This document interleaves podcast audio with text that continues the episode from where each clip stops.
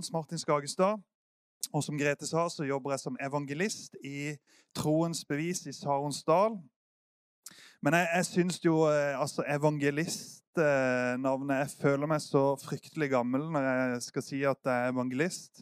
Eh, så jeg liker heller å si at eh, min jobb er å reise verden rundt og skryte av Jesus. Da føler jeg meg ikke fullt så gammel som evangelist, for da føler jeg må ha et trekkspill og ha enda mindre hår enn det jeg har på hodet. Så, men eh, veldig fint å få lov til å være i Lyngdal. Men jeg skulle jo selvfølgelig ønske at dere ikke var på skjermen, at dere satt her. Men, men jeg håper jo allikevel at jeg kan få lov til å dele noe med dere. Og få lov til å si noe som jeg tror at Jesus ønsker å si til dere denne formiddagen. Og Overskriften for det som jeg skal dele med dere, det har jeg satt er 'Mot alle odds'.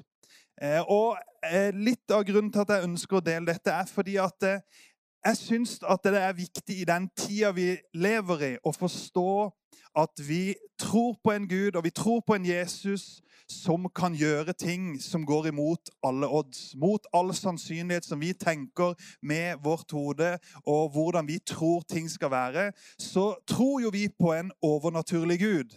Eh, og i Matteus kapittel 19 og vers 26 så sier Jesus for mennesker er dette umulig, men for Gud er alt mulig.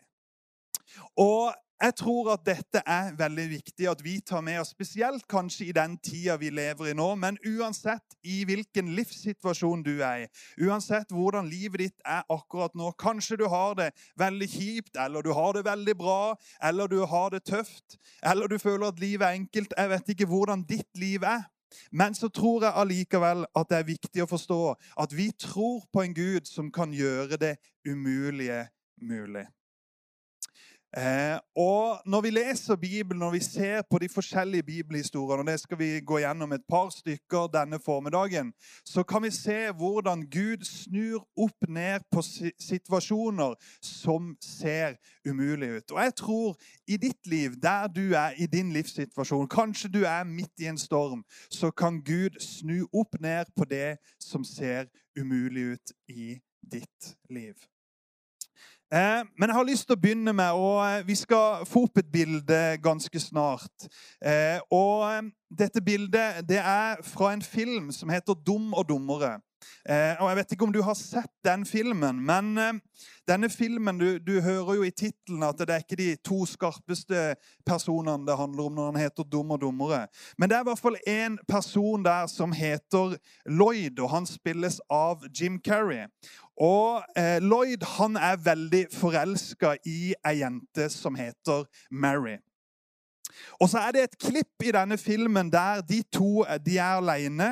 Og så spør Lloyd Mary hva er sjansene, eller hva er oddsen, hva er muligheten for at en gutt som meg kan bli sammen med ei jente som det. Og så sier hun at nei, eh, de sjansene de er ikke veldig bra. Og så spør han ja, men hva er mulighetene mine her. Er det sånn at det er, sjansene mine er 1 til 100? Og så sier hun nei, nei, nei, så gode sjanser har du ikke. Det er mer som én til en million. Og vi alle sammen skjønner jo at eh, når hun sier det Det hun egentlig sier, er jo at det kommer aldri til å skje. Altså, Det fins ingen mulighet for at meg og det kommer noen gang til å bli sammen. Men i dette klippet så er det en lang pause, og Lloyd han stopper litt opp. Og så plutselig så sier han, 'Men det du sier, er at det fins en mulighet'. Eh, og vi vet jo at hun sier at det er ingen sjanse. Men han så en mulighet. For at det allikevel én til en million. Da fins det fortsatt en mulighet. Og eh, jeg tror at vi kanskje noen ganger må være litt sånn som Lloyd. Kanskje også når du skal finne deg en kjæreste. det vet jeg ikke. Men eh, i hvert fall generelt i livet så tror jeg på at noen ganger så må vi tenke at det som kan se umulig ut, det er faktisk mulig. Og Jeg har jo som overskrift 'Mot alle odds'. Og hva er odds for noe? Jo, odds er jo en utregning av en sannsynlighet for at et eller annet utfall skal skje. Man bruker det gjerne i fotballkamper. Jeg har jo opp igjennom tippa masse på fotball og på odds.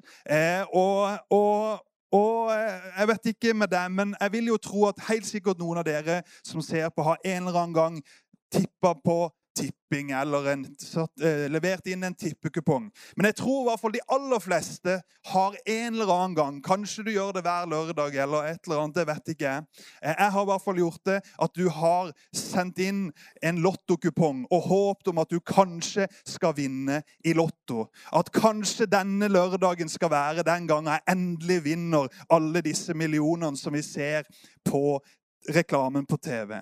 Men visste du at sannsynligheten for at du skal vinne i Lotto, den er veldig, veldig liten. Sannsynligheten for at du skal vinne, er faktisk 1 til 5,4 millioner. Så sjansen for at du noen gang kommer til å vinne i Lotto, er ekstremt liten. Men allikevel, i hvert fall så er det sånn for meg noen ganger, at jeg tenker at kanskje denne gangen er det min sjanse, min mulighet til å vinne i Lotto. Og vi sender inn denne kupongen og bruker pengene på det, men sannsynligheten for at du vinner i Lotto, er ekstremt liten. Men når du leser i Bibelen, og du ser disse forskjellige historiene i Bibelen, når du leser om forskjellige mennesker, så ser du hvordan der kanskje sannsynligheten og oddsen og muligheten for at det skal gå bra, er veldig liten. Men allikevel så gjør Gud mirakler i mennesker og gjennom mennesker. Og du vet at Jeg vet ikke hva du hadde fått hvis du hadde gått til et spillselskap og du hadde sagt at det er jomfru som skal føde et barn. Hva er sannsynligheten for at det kommer til å skje? Og skal jeg si deg noe, Da tror jeg faktisk det er større sannsynlighet å vinne i Lotto. Men allikevel så tror jo vi at Bibelen er sann, og at Bibelen forteller oss at Jesus ble født av en jomfru. Men sannsynligheten for at det skal skje, det vet vi jo alle sammen. Det er jo umulig. Men vi tror på en Gud som kan gjøre det umulige mulig. Jeg vet ikke Hvis du hadde gått til et spillselskap og sagt du, hva er sannsynligheten for at noen står opp fra de døde? Hvis jeg hadde satsa 100 kroner på det, hvor mye hadde jeg fått tilbake hvis det hadde skjedd? Mest sannsynlig så hadde du fått ganske mye tilbake. Men vi vet jo at Jesus han døde, og han sto opp igjen. Hvorfor det? Jo, fordi at Gud er en Gud som går imot all odds. Gud er en Gud som gjør det som er usannsynlig. Det gjør han mulig. En annen historie som eh, Det er ikke sikkert du hadde fått like høy odds som å stå opp fra de døde, men Abraham Gud sa til Abraham at du skal bli far til mange, til et stort folkeslag. Problemet var jo at Abraham var 100 år gammel. Og du vet at Sannsynligheten for å få et barn når du er 100 år, den er veldig liten. Og i hvert fall når hun som du skal ha barn med, er like gammel, så øker sannsynligheten for at det skal skje. Den blir lavere og lavere. Men allikevel så står det i Romerbrevet 4,18 så står det om Abraham at da alt håp var ute, trodde han med håp på at han skulle bli far til mange folkeslag, ettersom det var sagt 'slik skal din slekt bli'. Så Abraham han valgte å holde fast ved det Gud hadde sagt. Det som egentlig var helt usannsynlig, det som var umulig i menneskers øyne, ja, Det står til og med at Sara begynte å le når hun hørte dette. Og det er klart Vi alle sammen hadde vel begynt å le. Men allikevel så står det at Abraham holdt fast ved løftet. Og hva var det som skjedde? Jo, Abraham ble far til mange folkeslag, mange mennesker. Og hvorfor sier jeg dette? Jo, for det at det, vi er i en livssituasjon. Vi og deg har våre utfordringer. Våre ting der vi tenker at dette er umulig. Dette kan ikke Gud gjøre, eller dette klarer jeg ikke selv. Men jeg har bare lyst til denne formiddagen å gi deg en oppmuntring på at vi tror på en Gud som kan gjøre det umulige mulig. Jeg har lyst til å ta en historie til fra Bibelen. For dette er en av mine favoritthistorier. Historien om David og Goliat. Ja da, vi har hørt ham på søndagsskolen. Ja da, vi, vi, vi kan historien. Men samtidig så er det en fantastisk historie hvordan David går mot denne kjempen, denne Goliat. Når det ser umulig ut, når alle andre stikker av gårde, alle de andre løper, de er redde for Goliat, så sier David noe som jeg tror er veldig viktig. Fordi at David han sier i 1. Samuels bok, kapittel 17 og vers 37 når folk kanskje kritiserte ham, brødrene kritiserte ham for hvorfor skulle han gå mot Goliat, så sier David Herren som fridde meg ut fra løven og bjørnens grep, han skal fri meg ut fra denne filisterens, filisterens hånd. Da sa Saul til David, gå, og Herren skal være med deg. Hva er det David sier? Jo, David visste at Gud hadde hjulpet han før. Når han hadde passa på sauene sine, så kom det løve og bjørn og skulle prøve å ta sauene. Og han visste at Gud hadde beskytta han når løve og bjørn kom. Og Derfor så sier David når Gud beskytter meg da, så vet jeg at han kommer også til å beskytte meg mot denne kjempen som jeg skal gå imot nå. Og Jeg tror det er veldig viktig, for vi ofte som mennesker, hva er det vi gjør? Jo, vi tenker på alle nederlagene. Alle de gangene det ikke har gått sånn som vi skulle ha trodd. Alle de gangene det ikke har blitt sånn som vi hadde håpt og bedt om. Men du vet at mest sannsynlig så hadde nok David opplevd at det hadde kommet en eller annen bjørn eller en eller annen løve en gang som hadde tatt en sau. Men David holdt ikke fast og fortalte jo, jeg husker den gangen det kom en bjørn og tok den sauen. Så han klarer no, det går nok ikke at jeg går imot Goliat.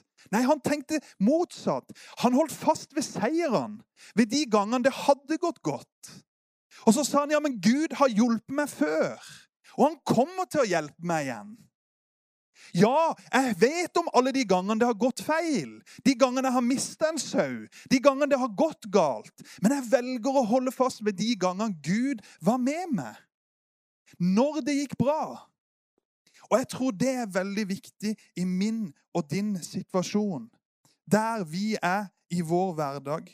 Fordi at Gud, han ønsker å være med oss. Og så kjenner ikke jeg deg som sitter og ser på.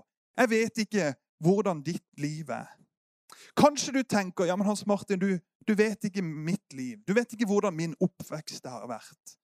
Du vet ikke hvordan jeg hele livet har hatt alle, alle oddsen mot meg. Hvordan alt har gått mot meg fra jeg var ung. Kanskje du er der. Kanskje du tenker at ja, men Hans Martin, det er lett for deg å si. Men jeg har lyst til å si noe til deg. Kanskje du er vokst opp der ting har preget deg fra generasjon til generasjon. Men jeg har lyst til å si noe at når du tok imot Jesus, så ble du født på ny. Du ble en ny skapning i Jesus Kristus. Og det gamle, det er forbi. Og du tilhører en ny familie, en ny historie. Gud ønsker å skape en ny historie med ditt liv. Han elsker deg sånn som du er. På grunn av at Jesus er perfekt, på grunn av det Jesus gjorde på korset, så er du perfekt i Jesus Kristus. Og han elsker deg. Ja, kanskje du har oddsen mot deg. Kanskje du føler at ting går imot deg. Men vet du noe? Det betyr ingenting. For det at Jesus er for deg. Om hele verden er imot deg, så skal du vite at Jesus, han er for deg. Han som kan gjøre det umulige mulig. Jeg har lyst til å fortelle en historie en historie som for meg har, har, gjort litt inntrykk på meg fordi at jeg traff en som som hadde all odds mot seg.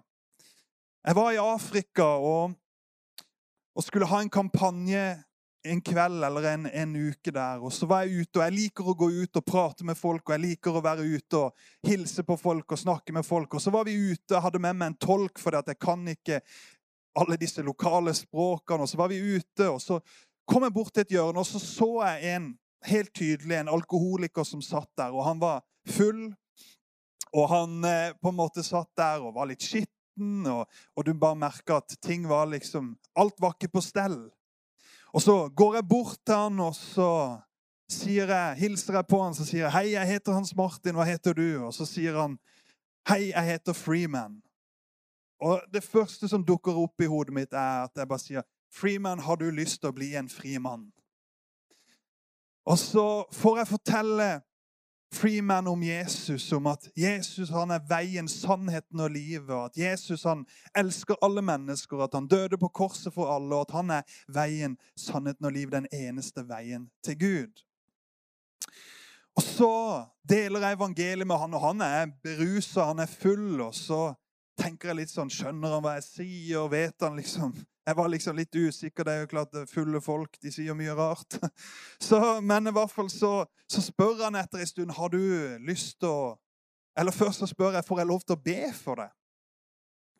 Ja, det var veldig fint. Jeg kunne gjerne be for han. Og så ber jeg for han, og, og kanskje noe av, det, noe av det som virkelig har overraska meg mest, kanskje en av de sprøeste tingene jeg opplevde, det var det at når jeg ba for han, og etter vi ba og vi sa amen, så han som var tydelig full, han ble momentant edru. Og Vi sitter der plutselig med en som akkurat var full, og så er han edru. og så etter, etter, det hadde skjedd, så sier han at han gjerne vil ta imot Jesus, og så får jeg lov til å lede han til Jesus. Og Så reiser jeg hjem til Norge, ikke sant? men så kommer jeg tilbake tre måneder etterpå. Eh, og så blir jeg møtt på flyplassen av han som er tolken min, han som også var med meg når jeg traff Freeman. Og han her Tolken var så veldig ivrig, og han sa du, vi har akkurat starta en ny kirke litt uti her. og Kan ikke du være med? Og Jeg har liksom reist lenge og var litt sliten og trøtt og hadde egentlig ikke sånn kjempelyst. Eh, men, eh, men så, så, tenkte jeg jo da, vi kan være med på denne kirka og se. og så så var det godt ikke han sa hvor langt det var, for jeg tror vi kjørte sikkert halvannen time i bil, og så begynte vi å gå langt ut i bushen og det var mørkt. Og heldigvis så hadde jeg iPaden, så jeg kunne lyse litt hvor jeg gikk. Og sånn, og, og går liksom innover der. Og, og, det var et par stykker med meg ikke sant, og går inn og ser liksom her er det et hull. Der bor det helt sikkert en slange. Og begynner liksom å gå, og kjenner jeg liksom jeg er liksom litt nervøs. Og så er det selvfølgelig, De syns jo det er gøy å tulle med oss som ikke er vant til å gå i sånn. Så plutselig når jeg går, så er det en som har en pinne og slår meg på foten, og jeg hopper og liksom blir livredd. Eh, og, og, jeg tenker liksom nå, nå kommer slangen og tar meg. Eh, men i hvert fall så går vi lenge, og jeg spør mange ganger er vi snart framme. Jeg er trøtt og sliten, og det er mørkt, og det er slanger. og Jeg tenker, å, jeg orker ikke dette her. Eh, og så går vi nå et stykke, og plutselig så ser jeg et svært tre. Og så sier han her som er med meg, 'Her er kirka.' Og jeg tenkte ja, det var liksom voldsomt imponerende. Så liksom et tre, og der er kirka, liksom.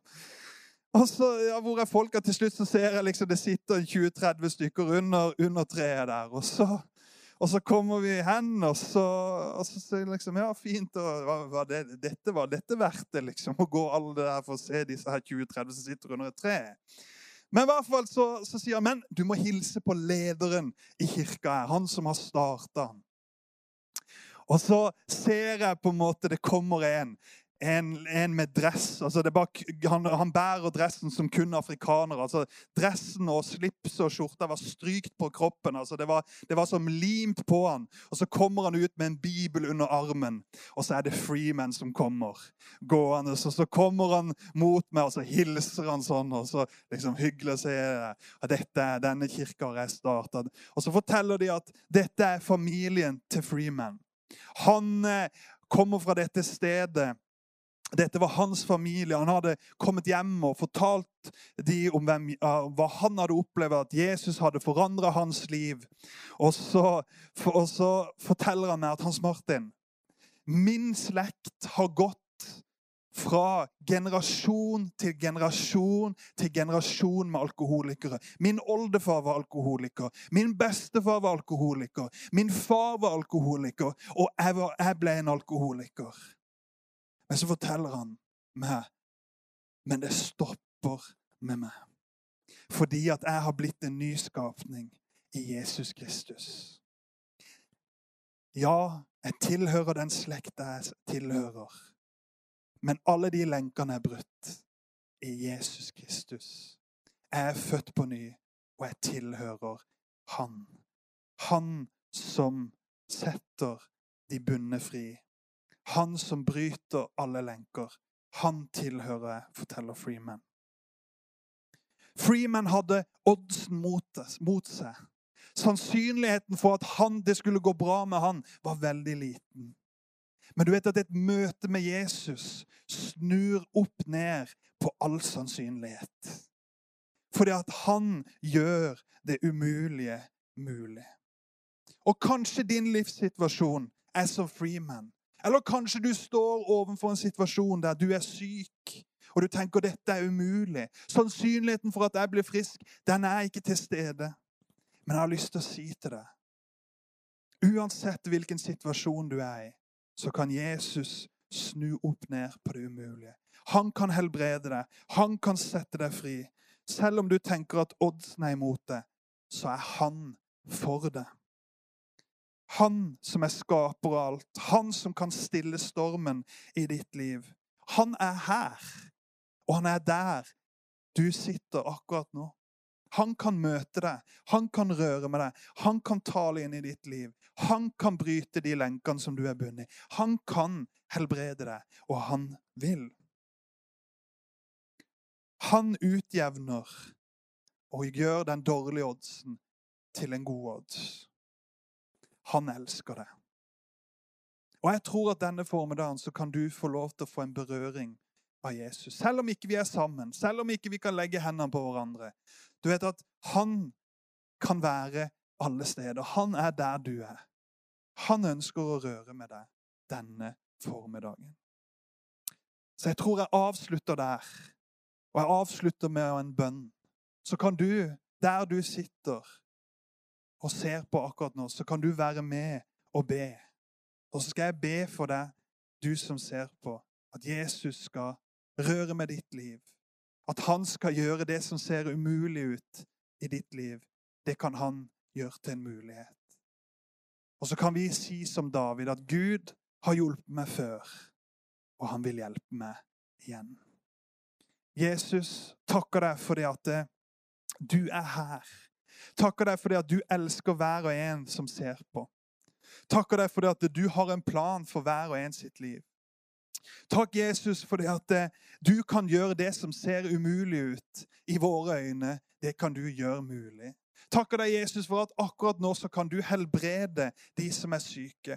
Akkurat nå så kan du bryte lenker. Akkurat nå så kan du sette de som er bundet, i frihet. For det står at den du setter fri, Jesus, den blir virkelig fri. Og Jeg bare takker deg, Jesus, for at du kommer og rører med hver og en. Og bare takker deg, Jesus, for at du elsker oss, og for at du har en plan for oss, og for at du er den som kan sette oss fri. Vi bare priser og ærer deg, Jesus. Amen.